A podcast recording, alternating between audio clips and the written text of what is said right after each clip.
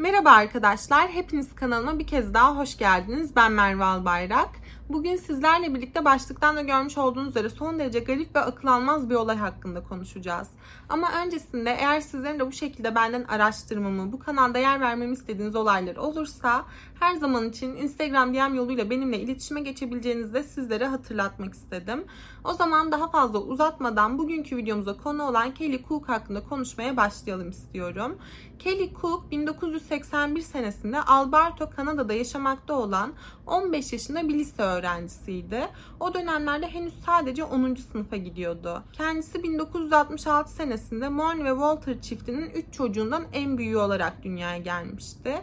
Evin en büyük çocuğu olmanın sorumluluğunu hayatının her anında üzerinde taşımıştı. Kendisi kardeşlerine göre böyle birazcık daha anaçtı, daha aklı selimdi.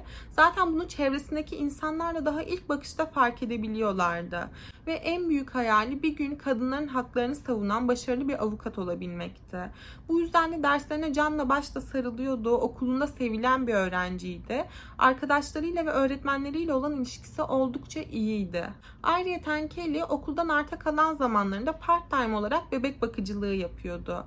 Zaten yaşadıkları kasaba oldukça küçük bir kasabaydı. Yaklaşık 370 kişilik bir nüfusları vardı ve insanların birbirlerini tanıdığı, birbirlerine güvendiği bir yerde.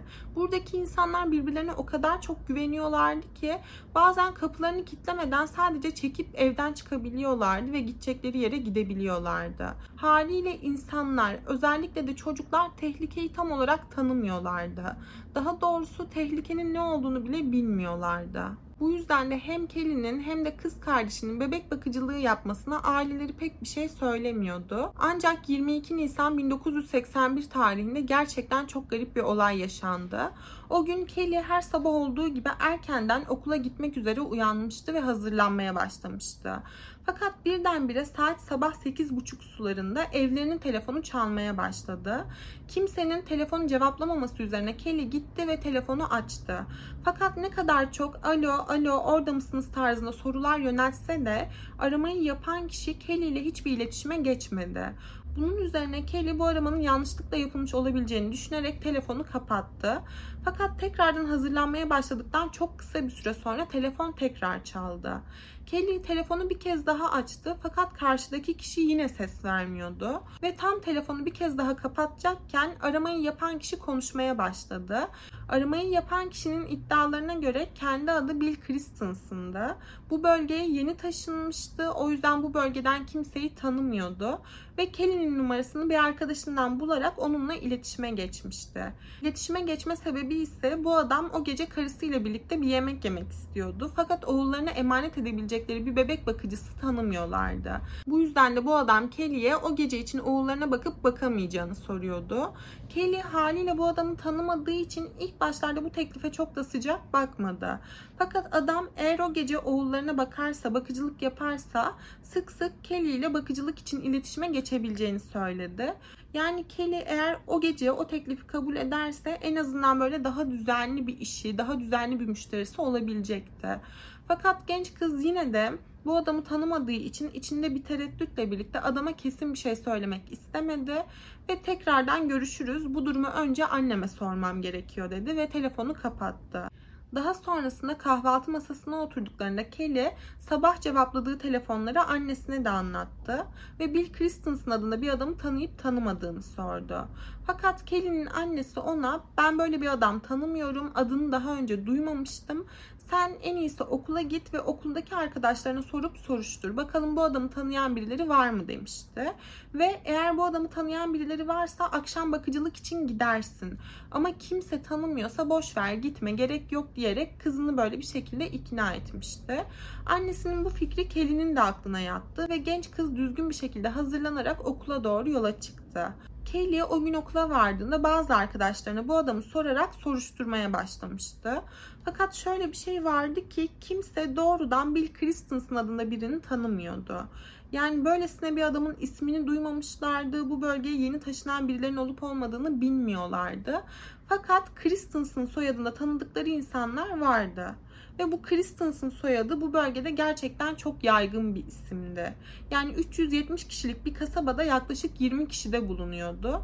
Ve bu yüzden de hem Kelly hem de arkadaşları bu adamın bu ailenin bir akrabası veya kardeşleri olabileceğini düşündüler. Yani belli ki bu adam ailesinin olduğu yere yeni taşınmıştı. Burada bir düzen kurmaya çalışıyordu. Ve bunu yaparken de oğluna emanet edebileceği güvenilir birini arıyordu diye düşündüler. Ve Kelly duymuş olduğu bu şeylerle birlikte adama ve ailesine karşı bir güven hissetti ve doğrudan eve gelip annesine o gece bakıcılık yapacağını haber verdi. Hatta annesine de Bill Christensen adını tanıyan yok ama onun ailesini tanıyorlar ve ailesi oldukça güvenilir bir insan. Yani kimseye bir zararları dokunmamış tarzında böyle güven verici söylemlerde bulunmuştu. Bu yüzden Kelly'nin ailesi de bu durumu kabul etti. Yani daha öncesinde bölgelerinde hiç bu tarz bir olay yaşanmamıştı. O yüzden de kızlarının başının belaya girebileceğini dahi düşünmemişlerdi. İşte Kelly o akşam kendisini arayan numarayı tekrardan aradı ve o akşam için bakıcılık yapabileceğini söyledi. Bunun üzerine karşı taraftaki adam seni evinden alabilirim tarzında bir teklifte bulundu. Bu durum Kelly'nin ailesinin de hoşuna gitmişti. En azından kızlarının güvende olduğunu hissetmişlerdi.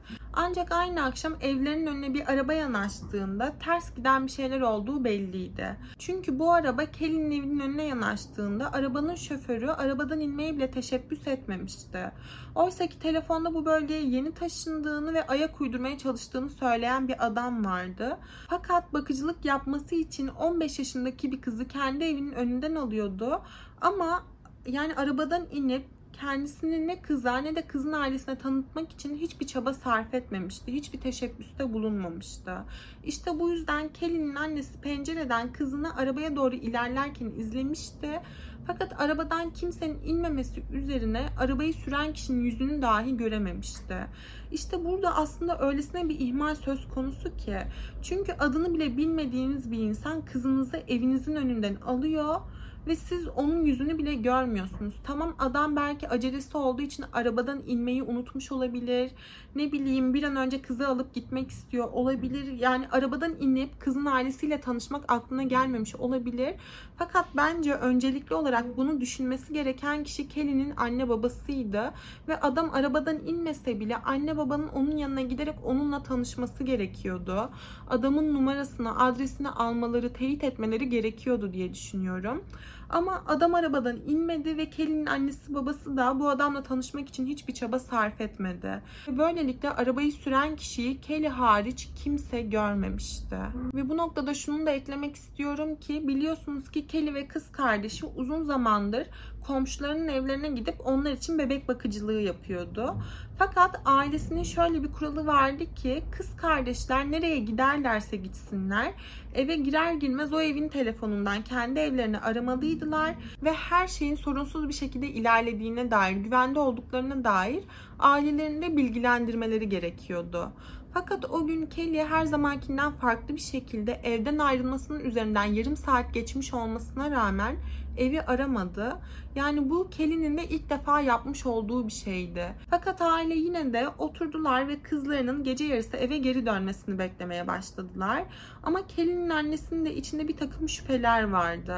Bu yüzden de zavallı kadın önce postaneyi sonra da bankayı arayarak Bill Christensen adında bir adamı tanıyıp tanımadıklarını sordu. Fakat nereye ararsa arasın kimse bu adamı tanımıyordu. Kimse Bill Christensen ismini duymamıştı. Fakat saat gece yarısını yarım saat geçmiş olmasına rağmen Kelly ne eve geri döndü ne evi aradı. Yani geç kalacağını haber vermek için bile evi aramadıysa mutlaka ortada bir sorun olmalıydı. Bu yüzden de aile daha fazla vakit kaybetmek istemedi ve durumu Kanada polisine bildirdi. Kızlarının saat 8.30 sularından beri görmediklerini, evin önünden tanımadıkları bir adamın bebek bakıcılığı yapmak üzere kızlarını aldığını söylediler. Polisler bunun üzerine bölgede geniş çaplı bir arama başlattı. Ve ilk ipucu bir 911 çalışanından gelmişti. Bu 911 çalışanının söylediklerine göre Bu adamın hattına o gece bir çağrı düşmüştü. Fakat kendisi çağrıyı yapan kadınla sağlıklı bir iletişim kuramamıştı. Çünkü adam her ne kadar bu kadınla iletişime geçmek için çabalamış olsa da kadın tamamen paniklemiş bir haldeydi, histerik bir haldeydi. Durmadan çığlık atıyordu ve yardım istiyordu. Ve hal böyle olunca çağrı kendi kendiliğine kesildi ve yetkili de bu noktada hiçbir şey yapamamıştı. Polisler yetkilinin bu ifadeleri üzerine bu çağrıyı ankasörlü bir telefona kadar takip etmeyi başardılar. Bu aramanın yapıldığı ankasörlü telefon Kelly'nin ailesiyle yaşadığı evden arabayla 20 dakikalık bir mesafedeydi. Bu da haliyle akıllara bu aramayı yapan kişinin Kelly Cook olduğunu getiriyordu. Fakat ne yazık ki o bölgede yapılan aramalar sonucunda genç kıza ait hiçbir ize rastlanamadı. Zaten çok geçmeden o geceye dair polise yeni bir ipucu geldi. Bu seferki ipucu bir benzin istasyonunda çalışan bir kasiyere aitti. Kasiyerin iddialarına göre o gün yani Kelly'nin ortadan kaybolduğu gün kendisi gece vardiyasındaydı ve bir müşteri dükkana girmişti fakat hiçbir alışveriş yapmadan kendisinden sadece telefonu kullanmayı istemişti. Bunun üzerine kasiyer adamın telefonu kullanmak üzere kasanın arkasına geçmesine izin verdi. Ve adam telefon görüşmesi yaptığı esnada kasiyer bir şekilde onun konuşmalarına kulak misafiri olmuştu. Ve adamın bir bebek bakıcılığı mevzusu üzerine konuştuğunu duyabiliyordu. Ve bu kasiyerin iddialarına göre bu telefon görüşmesini yapan insan böyle 1.75-1.80 boylarında yapılı bir adamdı. Kumral kıvırcık saçları vardı ve akşam saatleri olmasına rağmen bir güneş gözlüğü takıyordu. Ama oldukça temiz görünümlü bir insandı. Yani sanki böyle yeni tıraş olmuş gibi görünüyordu. Kasiyerin bu iddiaları üzerine bu adamın bir resmi bile çizilmişti. Fakat ne yazık ki onu tespit edebilecek kimse yoktu. Çünkü hatırlarsanız Kelly'nin ailesinden hiç kimse bu adamın arabasının yanına gidip onunla tanışmaya teşebbüs dahi etmemişlerdi. Ve bu adam Kelly'yi arabasına alıp oradan uzaklaşırken onu gören kimse olmamıştı. Çok geçmeden bu sefer Kelly'nin okuduğu liseden Stacy adında bir kız polislerle iletişime geçti. Bu kız kendisinin Kelly bebek bakıcılığı yapmak üzere evden ayrılmadan yaklaşık 4 gün kadar önce bilinmeyen bir numara tarafından arandığını iddia etti. Stacy'nin iddialarına göre kendisini bilinmeyen bir numara aramıştı ve kendisini Bill Christensen olarak tanıtmıştı. Ve aynı Kelly'e söylediği gibi bu bölgeye yeni taşındığını ve düzenli bir bebek bakıcısı aradığını söylemişti. Fakat Stacy şanslı olmalıydı ki bu adama o gece için meşgul olduğunu bebek bakıcılığı yapamayacağını söylemişti. Bunun üzerine adam Stacy'ye ısrar etmedi veya onun başka bir gün müsait olup olmadığını dahi sormadı. Ve bütün bunlar yerine peki bebek bakıcılığı için önerebileceğin biri var mı? Güvenebileceğin başka birini tanıyor musun tarzında sorular sordu. Ve Stacy ne yazık ki bu adama Kelly'nin adını verdi hem Kelly'nin adını hem de onun numarasını vermişti. Ve adama da bu kızla aynı okulda okuduğunu ve kızın uzun zamandır bebek bakıcılığı yaptığını, yani güvenilir bir insan olduğunu söylemişti. Stacy haliyle Kelly ortadan kaybolduktan sonra çok uzun bir süre boyunca kendisini suçladı ve Kelly'nin kendi yüzünden ortadan kaybolduğunu düşünüyordu ve bunun vicdan azabını çekiyordu. Stacy'nin ortaya attığı bu iddialarla birlikte polislerin hedefi tamamen şaşmış bir haldeydi. Çünkü bu demek oluyordu ki Kelly'yi alıkoyan adam onu daha öncesinde tanımıyordu. Hatta bu adamın spesifik bir hedefi bile yoktu. İlk hedefi Stacy'ydi fakat belli ki bu kızı da tanımıyordu. Yani adamın tek amacı bir an önce ağına birilerini düşürmekmiş gibi görünüyordu. Haliyle bu durum aileyi gitgide daha da endişelendirmeye başladı. Çünkü ortada bir adam vardı ve bu adamın bir hedefi bile yoktu. Tek hedefi genç bir kızdı ve kimse ne yazık ki bütün bu ipuçlarına rağmen ne adamı bulabiliyordu ne Kelly'yi bulabiliyorlardı. Onlara ait hiçbir ipucu dahi bulamıyorlardı. Fakat Kelly ortadan kaybolduktan yaklaşık 2 ay kadar sonra yani 28 Haziran tarihinde ne yazık ki Kelly'nin yaşadığı kasabanın güneydoğusunda yer alan Taber kasabasında bir sulama kanalında bir kadına ait çürümüş bir vücut bulundu. Bu vücudu bulan o arazide motor süren bir gençti. Bu genç durumu daha sonrasında yetkililere bildirdiğinde yetkililer olay yerine geldiler ve Kelly o kadar tanınamaz bir haldeydi ki onun Kelly olduğunu diş kayıtlarından ortaya çıkarttılar. Fakat genç kız yine de bu sulama kanalına kendiliğinden düşmüş gibi görünmüyordu. Tam tersine birileri tarafından özenle oraya istiflenmiş ve saklanmış gibi görünüyordu. Kelly bulunduğunda kıyafetleri hala daha üzerindeydi ve vücudu böyle kalın bir iple sıkı sıkıya bağlanmış bir haldeydi. Ve polislerin iddialarına göre Kelly evden ayrıldığı ilk gece hayatını çoktan kaybetmişti. Çünkü bu çürümenin başka bir açıklaması olamazdı. Ancak yapılan incelemelerde fark edildi ki Kelly'nin üzerinde cinsel hiçbir temas bulunmadı. Yani ona bunu yapan kişi genç kıza o anlamda dokunmaya çalışmamıştı. Peki o zaman ona neden böyle bir şey yapmıştı?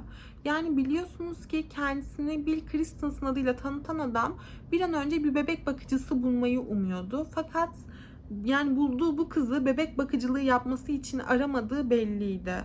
Fakat Kelly'yi ele geçirmişken ona o anlamda dokunmadan neden hayatına son vermişti? Veya neden böyle bir şey yapmıştı? İşte kimsenin bu konuda mantıklı hiçbir açıklaması yoktu. Kelly'nin vücudu o kadar deforme olmuş bir haldeydi ki genç kızın tam olarak hayatını kaybetme sebebi dahi teyit edilemedi. Sadece yetkililer büyük bir olasılıkla onun nefessiz kalma sonucu hayatını kaybettiğini düşünüyorlardı. Ama yine de onun hayatını kaybetmesi büyük bir sır olarak kalmıştı. Yetkililer genç kızın vücudunu bulduktan hemen sonra onun kimliğini tespit ettikten sonra direkt Kelly'nin babasının iş yerine gittiler ve zavallı adama bu kötü haberi verdiler. Polislerin söylediğine göre bulunan vücut Kelly'ye aitti ve bu durum çoktan medyaya yansımıştı ve kamuoyuna servis edilecekti. Ve Kelly'nin ailesi bu durumu medyadan öğrenmeden önce gidip babalarının bu durumu aileye haber vermesi gerektiğini söylediler. Kelly'nin babası bunun üzerine hiç zaman kaybetmeden doğrudan eve gitti ve ailesine Kelly'nin bulunduğunu şu cümleyle haber verdi.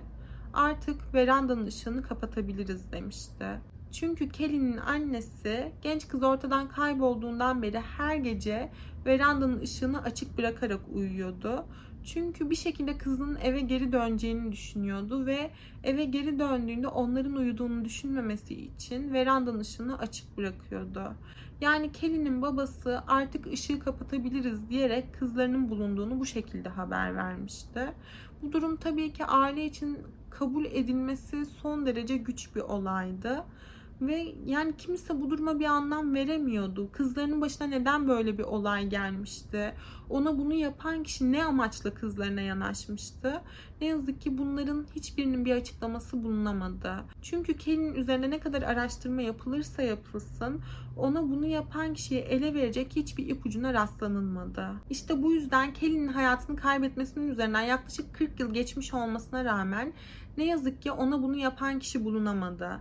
Kelly'nin hayatını kaybetmesinden ötürü kimse sorumlu tutulamadı, yargılanmadı ve cezalandırılmadı. Yani ona bunu her kim veya kimler yaptıysa 40 yıl boyunca ellerini kollarını sallayarak yaşamaya devam ettiler. Fakat bu noktada hiçbir mantığa oturtamadığım tek bir şey var ki biliyorsunuz ki insanlar genelde gözlerini karartıp böylesine bir olay gerçekleştirdiklerinde ve yakalanmadıklarında yakalanmamanın verdiği bir özgüven ve cesaretle kaldıkları yerden birilerine zarar vermeye devam ediyorlar. Fakat Kelly'e bunu yapan kişi 40 yıl boyunca yakalanmamış olmasına rağmen tekrardan böylesine bir teşebbüste bulunmadı. Çünkü Kelly hayatını kaybettikten sonra ne onun yaşadığı bölgede ne de o civarda buna benzer bir olay yaşanmamıştı. Peki madem başka birisine zarar vermeyecekti, Kelly'e neden böylesine bir şey yaşatmıştı? Yani gerçekten hiçbir anlamı, hiçbir mantığı yok. Uzun zamandır araştırdığım olaylar arasında bana en mantıksız gelen olay buydu diyebilirim. Çünkü bütün her şeyin bu kadar göz göre göre gerçekleşmesi, bu kadar sonuçsuz kalması beni gerçekten çılgına çevirdi. Benim bugünlük bu olay hakkında anlatacaklarım buraya kadardı. Sizin bu olay hakkındaki görüşlerinizi, yorumlarınızı gerçekten çok merak ediyorum. Eğer benim bu videoda bu olay hakkında yer vermediğim bir bilgiye sahipseniz yorumlarda bizlerle paylaşmayı ihmal etmeyin. Bir sonraki videoda görüşmek üzere. Kendinize iyi bakın. Hoşçakalın.